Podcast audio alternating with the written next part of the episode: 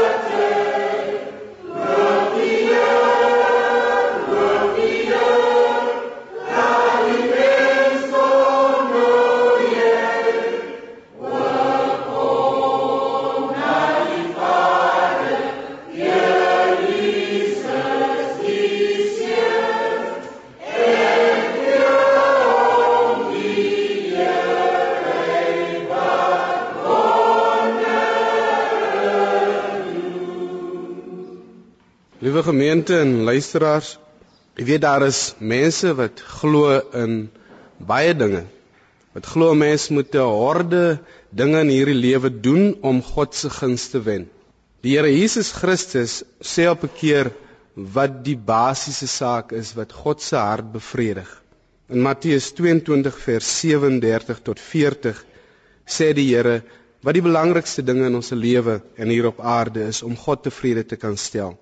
Hy sê jy moet die Here jou God lief hê met jou hele hart en met jou hele siel en met jou hele verstand.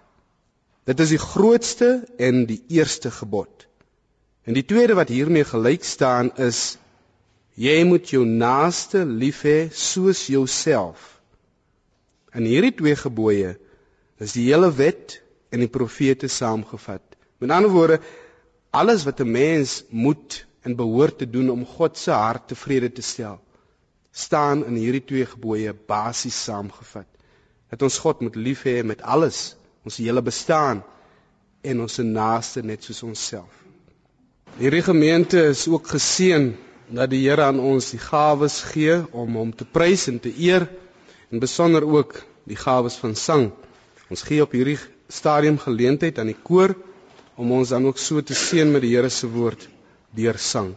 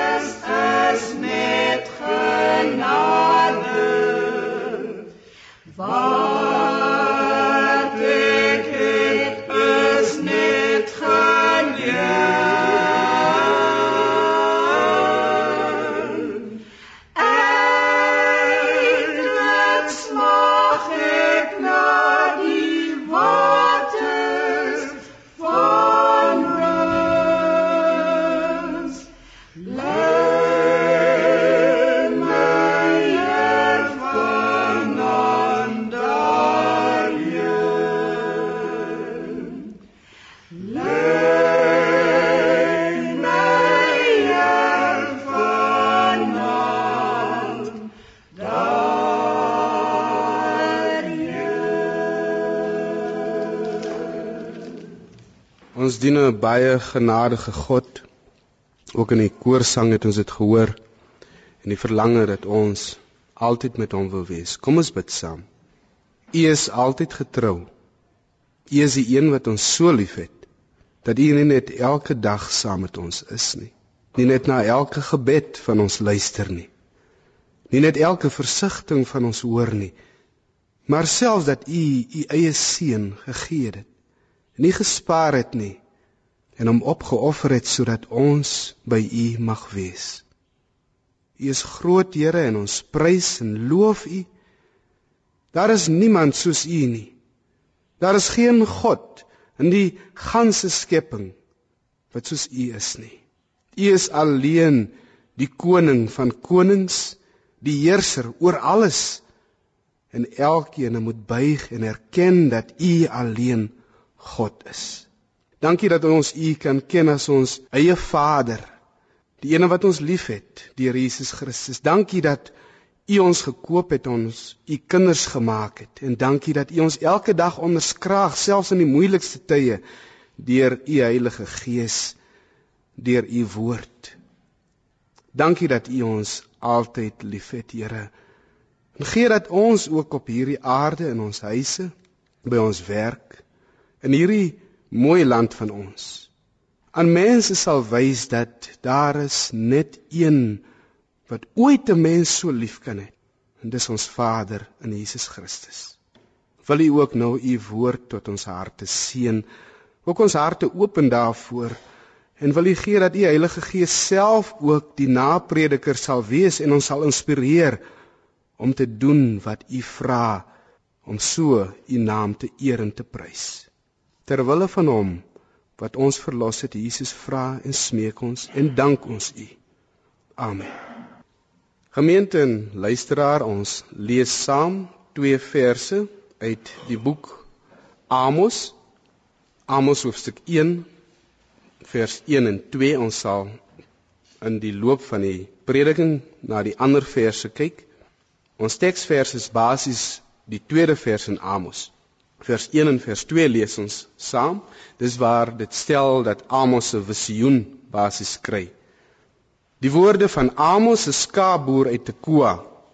Hy het oor Israel 'n gesig gesien tydens die regering van koning Osia van Juda en koning Jerobeam van Israel, seun van Joas. Dit het 2 jaar voor die aardbewing gebeur. Amos het gesê: Wanneer die Here uit Sion brul, wanneer hy sy stem uit Jerusalem laat hoor, verdor die weivelde van die herders en verdroog die top van Karmelberg. In vers 2 sê basies dat die Here ontevrede is, want Amos sê wanneer die Here uit Sion brul soos 'n leeu, wanneer hy sy stem uit Jerusalem laat hoor, dan is dit 'n stem wat nie noodwendig goedgunstig is nie want die gevolge daarvan is dat die weivelde van die herders verdor en die top van Karmelberg verdroog. Basies sê Amos, die Here is nie tevrede nie, soos 'n brullende leeu en hy maak sy stem dik oor dinge wat hom nie tevrede stel nie. God is nie tevrede nie. En ons in hierdie lewe, in hierdie tydvlak en so aan, leef in 'n koninkrykstyd waar Jesus Christus alle magte oorwin het en waar hy sit in die hemel en waar hy regeer. Hy is die leeu uit die stam van Juda, die afstammeling van Dawid wat die oorwinning oor die dood selfs behaal het. En ook hierdie Jesus van ons, hierdie verlosser van ons, brul vandag. Hy laat ook sy stem hoor en hy's ook ontevrede oor baie dinge in ons se lewens in hierdie land is die Here ontevrede. En die wil van die Vader en van hierdie Jesus ons verlosser is dat sy koninkryk nog meer moet kom en dis wat Amos doen. Amos bring dan verskeie boodskappe aan verskeie volkere. Vanaf vers 3 van hoofstuk 1 tot vers 3 van hoofstuk 2 is daar 'n hele aantal boodskappe en van die eerste boodskappe gaan oor die heidene nasies. En dit beeld vir ons uit waarom God nie tevrede is nie. Waarom brul hy soos 'n leeu en waarom is hy die ene wat sy stem laat hoor en dinge verdor en die lewe word droog?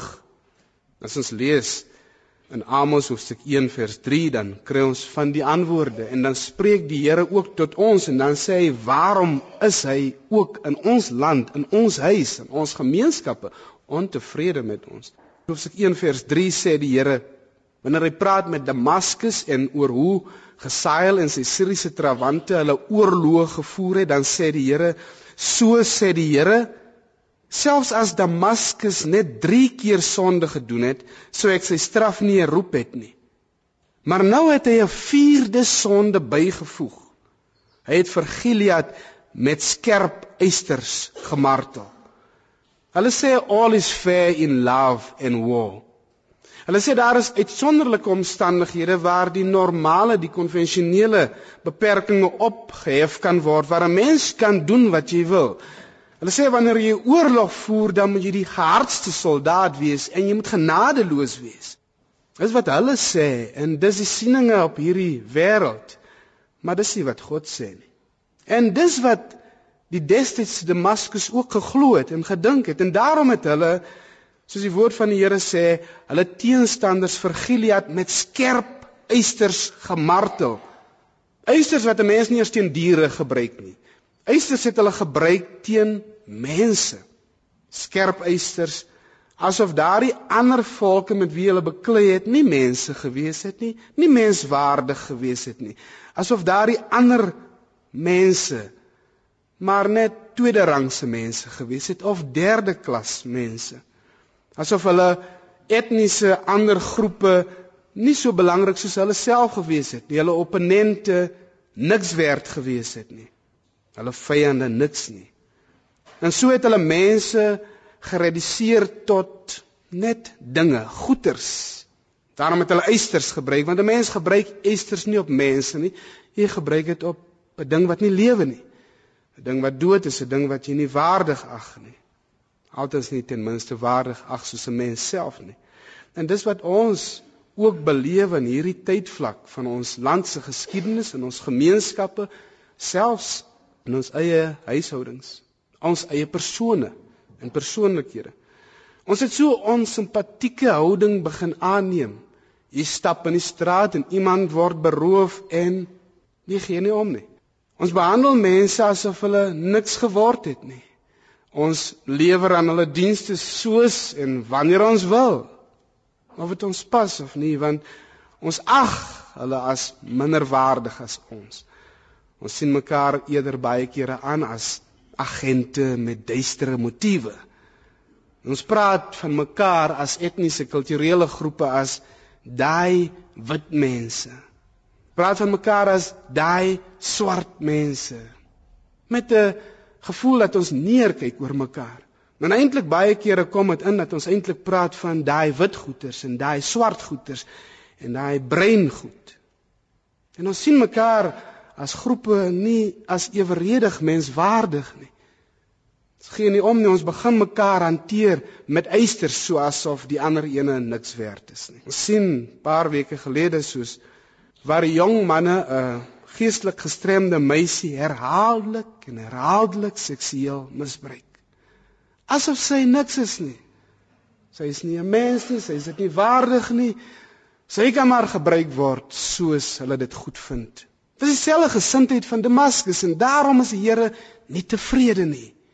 Hy is nie tevrede dat ons mense hanteer asof hulle niks is nie. Hulle met skerp eisters hanteer, met gevoelens en gesindhede en houdings asof hulle dit minder werd is as ons nie. Want u sien, in God se koninkryk is mense nie dinge nie. Mense is nie goeders in God se koninkryk nie. Mense is nie die een benede die ander en jy kan nie die ene soos 'n mens hanteer en die ander soos 'n hond nie. In God se koninkryk is hulle almal menswaardig, hulle skepsels van hom en het hulle oneindig lief. Alles hulle die grootste die ergste sondaars, God het hulle lief. Op 'n stadium was daar 'n heidense vrou wat die Here Jesus Christus wou sien en die disippels het ook hierdie houding gehad van Jy's minderwaardig as ons wat Jode is. Hulle het vir haar gesê: "Gaan man, die Here slaap. Jy kan hom nou pla nie. Jy's ver benede ons as Jode." En die Here Jesus Christus het uitgekom en daardie vrou wat gesê het dat die Here al met ons maar net die krummeltjies soos honde van die tafel af eet. Dat die Here as ware met sy optrede en sy houding en sy gesindheid vir haar gesê: "Maar jy's nie 'n hond in my oë nie." Jy's nie niks in my oë nie. Jy's dit waardig en ek sal selfs uit my slaap, uit my rus opstaan en jou bedien, aan jou aandag gee. Mense het waarde voor God. Die tweede saak waaroor God baie ontevrede staan in vers 6, en dit gaan oor Gaza, Asdod en Askelon en hulle hele kommersiële aktiwiteit in hulle handelssentra. As jy lees in vers 6, dan sê die Here se woord: So sê die Here: Selfs as Gaza net 3 keer sonde gedoen het, sou ek sy straf nie herroep het nie. Maar nou het hy 'n vierde sonde daarbey gevoeg. Hy het mense voor die voet as ballinge weggevoer en aan Edom uitgelewer. Mense was voor die voet. As ballinge weggevoer en ons verkoop aan 'n ander volk. Dit was die hele gejaagdheid van Gaza om geld te maak, die gejaagdheid na kommersiële win wat bo die menslike welsyn en welstand geplaas was. Die gesindheid was alkos dit wat ons gaan geld maak. Alkos dit wie ons gaan 'n wins wys. Maar God stem nie saam dat winste en winsgrense en ons profit die belangrikste is nie. Mense is baie belangriker as dit. Daarom is die Here tevrede. Hy sê hy's ontevrede met hierdie mense omdat hulle mense voor die voet as ballinge weggevoer het. Want hulle het so ver gegaan en gesê ons gaan nie net meer normale produkte en dienste op die mark plaas. Ons gaan selfs mense begin gebruik en ons sal hulle verkoop en meer geld maak. Dis 'n slawehandel waar mense as ware verkoop word en hulle liggame verkoop word en hulle kragte verkoop word. En dis wat gebeur ook vandag. Mense sê life is tough. And business is harder when life is tough.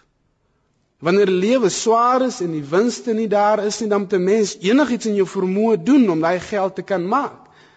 En mense gaan so ver dat hulle jong meisies ontvoer en in bordele smyt en toesluit vir die gewin van mans. Ons dryf ook in ons land basies handel met hierdie mense wat God so waardig ag. Ons het ook half geword mense wat mense voor die voet as ballinge begin wegvoer. En ons het dit gesien ook op TV hoe daar in een huis in KwaZulu-Natal 'n hele string meisies gekry is wat ontvoer is van waar ook al. En hulle is daar toegesluit en hulle is gebruik alles om geld te maak. So het ons geword. En niemand staan op en niemand sê dis verkeerd. Dis onregverdig om mense so te behandel nie. Want jy sien dit hierdie motiewe vir wins het selfs in die kerk begin anker slaan dat selfs pastore, selfs predikante, dit gaan deesdae net om die geld. Om die groot 4x4 wat ek kan ry, die groot paleis wat ek kan bou. Hoeveel ek kan maak met 'n konferensie en hoeveel ek uit 'n gemeente uit kan kry. En dis waaroor dit begin gaan het in hierdie lewe wat maatskappye sê ons kyk net na winste en ons gee nie om van mense nie. En God skud sy kop en hy sê hy's nie tevrede daarmee nie. Dit gaan nie net om geld in hierdie lewe nie. Want Christus se ryk sê die beginsel is nie geld nie, die beginsel is nie rykdom nie. Die beginsel is liefde, die beginsel is omgee vir mekaar. 'n Mens leef nie net van brood nie, maar van elke woord van God. 'n Mens lewe nie net van al die duisende wat jy kan maak en die miljoene wat jy kan versamel en kan vergader en so aan nie. Jesus wys ons keer op keer die ryk jong man wat moet kies en sê dien ek regtig God of dien ek die plesier en die rykdom wat ek nou hier het. En so het ons geword dat ons vergeet het en die Here sê vir ons Ons moet die winsmotiewe moet ons op die regte plek plaas. Ons moet die klem op ons kapitalisme en ons skyn of verdraaide sosialisme moet ons op die regte klem plaas. Die Here moet altyd eerste kom. En hy gee ons 'n baie duidelike voorbeeld. Op 'n dag het die Here Jesus Christus tyd saam gaan sit en 'n sweep gevleg.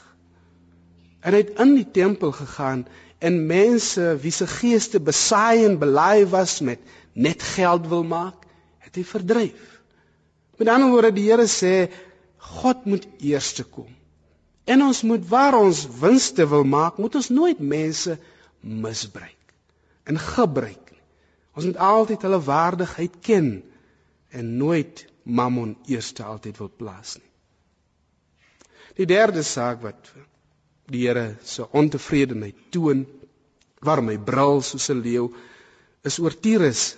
Soos Gaza het hulle ook in mensehandel betrokke geraak, maar erger, hulle het nie aan die ooreenkoms met hulle bondgenote gedink nie. In vers 9 sê die Here: So sê die Here, selfs as Tyrus net 3 keer sonde gedoen het, sou ek sy straf nie herroep het nie.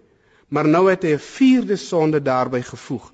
Hy het mense voor die voet as ballinge aan Edom uitgelewer, net soos Gaza, en nie aan die ooreenkoms met sy bondgenote gedink nie. Met ander woorde wat Tyrus basies gedoen het, hulle het ooreenkomste sonder meer gewetenloos, sonder gewetenswroging totaal net verbreek.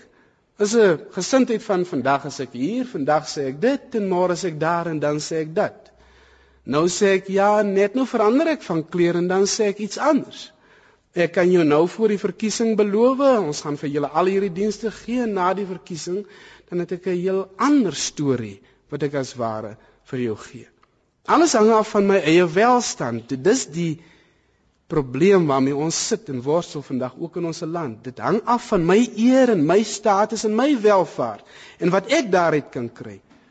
Niks is belangriker nie. Ek hoef nie my woord te hou nie, my ja hoef nie my ja te wees nie. Ek hoef nie by een ooreenkomste te bly nie. En God skud sy kop en God sê dis nie hoe hy wil hê ons moet lewe nie. God sê basies wanneer ons vir mekaar sê ja, dan moet ons ons ja bedoel. Wanneer ons vir mekaar sê nee, dan moet ons ons nee bedoel. Wanneer ons vir mekaar sê as man en vrou, ek sal met jou stap deur siekte, deur armoede, deur rykdom, deur gesondheid, deur plesier. Nou moet ek nie as die vrou môre 'n bietjie gewig aansit, 'n ander rigting kyk nie. Of as die swaar dae kom en my man siek lê dat ek sê ag nee, ek gaan nie hier bly nie. Dit beteken dat wanneer ek beloof het om my kind groot te maak in die vrese van God, dan sal ek dit doen en ek sal my bes probeer. Alles my kind eendag selfs 'n dwelm verslaafde, sal ek my bes poog.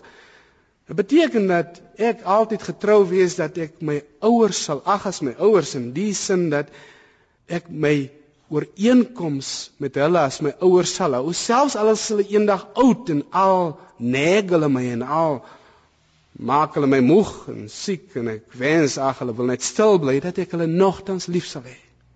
Ek bly by my ooreenkoms. Jy sien, om God te dien is nie net 'n emosionele saak nie, dis 'n konkrete logiese besluit wat 'n mens soms neem en sê ek moet getrou bly of ek daarvan hou of nie. Dis nie wat my altyd die beste geval wat by God saak maak nie. En daarom sê God, hy's nie genee nie. Hy's nie genee ook in ons land waar ons vergeet het van ons ooreenkomste met mekaar nie. Ons het 'n verantwoordelikheid ook teen ons medelandsburgers. Dit gaan nie net oor myself nie. Daarom is God ontevrede. Want Jesus leer ons dat ons 'n ja moenie 'n nee beteken nie. Hy leer ons van getrouheid en opregtheid en hy sê vir ons Wanneer iemand van ons iets vra en ons weet ons het 'n ooreenkoms van liefde met daardie persoon, dan sê hy vir ons dat ons nie in steede van 'n vis vir daai persoon 'n slang gee nie. Met ander woorde, ons moet getrou wees in liefde ook aan mekaar onderling. Nee, laaste ding wat ek aan u wil noem op hierdie dag is in vers 11. Vers 11 van Amos 1 wat ook die Here ongelukkig maak dat hy brul soos 'n leeu en dat die lewe verdor raak. Dit is oor Edom se oortreding dat daarin gelê dat hy nie wil en kon vergeef nie, dat daar so onuitwisbare haat in hom bly leef het. In vers 11 sê die Here: Selfs as Edom net 3 keer sonde gedoen het, sou ek sy straf nie roep het nie. Maar nou het hy 'n vierde sonde daarbey gevoeg. Hy het die Israeliete, sy broers, agtervolg met die swaard en die broederliefde verloon Hy het hulle in sy toren verskeer, sy woede het bly kook. Dit was Edom se fout dat Edom aanhoudend gehaat het. Dit was 'n lang geskiedenis van haat en teenstand wat Edom gehad het teen Israel. Haat wat nie beperk of onderdruk kon word nie, waar vergifnis nie geken was of gesoek was nie. Soos 'n dodelike gif het dit aanhoudend bly broei en broei teen sy eie familie. Want Edom en Israel was eintlik familielede. God het dit gehaat dat Edom nie liefde wou leer ken nie. Want dit was 'n haat wat Edom gehad het wat nie opgehou het. En dis soos ons soms hoor dat 'n vrou aanhoudend, aanhoudend voortdurend skel en skel en skel en nie ophou nie. Dat 'n man in die nag opstaan en sy dronkenskap soms en sy vrou wakker maak en haar begin skel en skel en self slaan. En dis wat God so ontevrede maak. Dat ons mekaar slaan, met mekaar baklei sonder denke. Dat ons soms harde woorde laat val selfs teen ons stiefkinders. Dat ons soms vergeet hulle het familie van ons ook geword. En ons sê soms dinge wat so lank gaan bybly by daai kind en wat 'n mens nie maklik weer gaan uitwis deur wat jy ook al sal doen nie. En hierdie haat, hierdie skeldheid en so aan bring ons soms op in gesprekke waar ons sê ons het mekaar vergewe oor dinge wat jare gelede gebeur het en skielik bring ons dit maar weer op. Dis haat wat opbou en opbou en wat ons laat begaan en laat begaan soos met Edom. En daarom sê die Here hy's nie tevrede daarmee nie. Hy is tevrede dat ons se hele lewens as mense persoonlik as groepe saam dat ons se hele wese van bestaan gaan oor hoe kan ek myself regverdig? Hoe kan ek die ander laat ontgeld nie? Hoe kan ek die ander terugbetaal nie? Die Here sê nee. Hy soek eerder harte, gesindhede van liefde. En anders sal ons lewens en ons sosiale bestel verdor en die mooiheid wat daar gewees het sal totaal verdwyn. Christus se ryk verenig dan juis mense wat mekaar nie verstaan of wou verstaan het, mense wat nie van mekaar gehou het nie. Dit verenig die geharde se lood met die onwrikbare fariseer, verander die tradisie van iemand soos Petrus wat so Joods vas gewees het. Wat geglo het God sal ook die heidene nasies red, maar hy sal hulle nie red op die vlak soos hy die Jode gered het in sy nuwe koninkryk nie. Maar dat selfs hierdie Joods vaste harde Petrus moet sê, God is geen aannemer van die persoon nie. Want hy stort sy Heilige Gees uit oor die Jode en so doen hy dit ook aan die heidene nasies. Niemand is by hom die een belangriker as die ander nie. En hierdie haat wat ons sou hê, dit is nie nodig nie. En daarom doen God dit die wondere van wonders waar hy na Pinkster se eerste gemeente vergader en almal saam is mense van uiteenlopende verhoudinge. Sommige is arm, sommige is ryk, sommige is Jode, sommige is heidene. Sommige is mense wat baie vermoëns het en party is maar net gewone mense. Sommige het hierdie politieke siening miskien gehad en ander daardie ene, maar hulle is almal saam kinders van God en dis nie haat en onreg en 'n agtervolgingsgesindheid wat daar heers nie, maar dis liefde. Liefde waar hulle mekaar omhels selfs as voormalige vyande. En dis wat die Here soek. Dis wat Christus wil hê. Dat hy moet regeer in hierdie wêreld. En Christus se koninkryk moet kom want ons bid, laat die koninkryk kom, laat u wil geskied in die hemel soos op hierdie aarde, soos op hierdie aarde in Suid-Afrika. In jou huis, in my huis. By ons skool, in ons maatskappy, moet Christus heers. Christus kan nie net op 'n Sondag wil heers nie. Christus kan nie net kom as hy tydens 'n biduur heers nie. Nie net wanneer ek my Bybel oopmaak nie. Hy moet altyd oral vir ewig tot in alle ewigheid moet hy heers. En ons is sy instrumente, sy agente. Ons is die mense wat hy gebruik en wil gebruik. En daarom moet ons as kerk opstaan en ons moet brul soos ons 'n koning brul wanneer daar onreg is. Ons kan nie wil stil bly nie ander pad kyk nie. Ons moet brul oor die haat wat daar tussen groepe nog is. Ons moet brul en sê ons kan nie toelaat dat mense se menswaardigheid net so vertrap en misken word nie en vernietig word nie. En jy, ek, elkeen van ons moet opstaan en brul teen onregverdige winsmotiewe. En mense leer, daar is genoeg vir almal as ons die beginsels van Christus volg. Ons moet brul selfs wanneer mense oneerlik raak en verwaand raak en vergeet dat ons medeburgers en medebroeders van mekaar in hierdie land is. Ons moet brul en opstaan, dan sal God weer eendag tevrede wees. Dan sal God tevrede wees in hierdie land en sal iemand veilig kan stap in 'n straat en sal ons ons kinders kan laat rondloop in die straat sonder om onsself te bekommer dat hulle ontvoer gaan word en sal ons kan gaan werk vir 'n maatskappy met die wete dat hulle gee reg om vir ons en ons welstand. En dis wat ons moet doen, koninkryk van Jesus Christus te laat kom en te verkondig. Mag die Here u help. Mag hy ons almal bystaan. Amen. Kom ons bid saam. Dankie dat u so goed is dat u ons kom wys hoe ons die oordeele van u kan vryspring. Dankie dat u die ene is wat ons kan en wil kom waarsku. Dankie dat u die ene is wat u oordeel deur Jesus Christus kom verander en sê, maar ek wil julle verlos. Here, Ons bid dat U ons land sal lei. Dat leiers sal sien wat U vra en wat U wil is. Ons bid dat elke familie, elke gesin sal sien wanneer U ontevrede is dat dit tog so eenvoudig is om na U te draai en U sal vergewe en U sal dinge regstel. Dit vra net dat ons U sal toelaat dat U ons lewens en harte en gesindhede verander.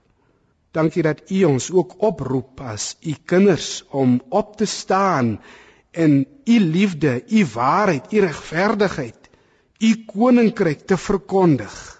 Help U ons, Here, dat ons mense kan wys dat daar is geen beter koning en koninkryksbeginsels naas U nie. Help ons ter wille van Jesus Christus sodat sy naam verheerlik mag word en mense kan weet hy is die verlosser van die ganse mensdom. Amen. Gemeente ons sing nou saam Gesang 194 vers 1 vers 4 en vers 6.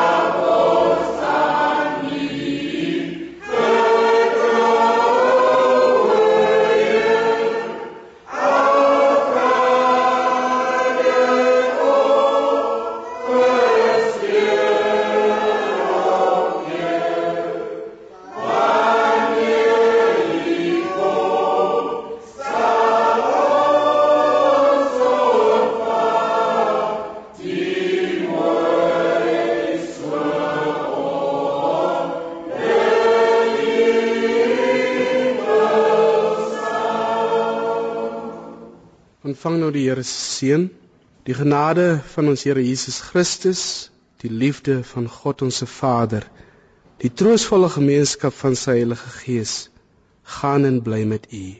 Amen.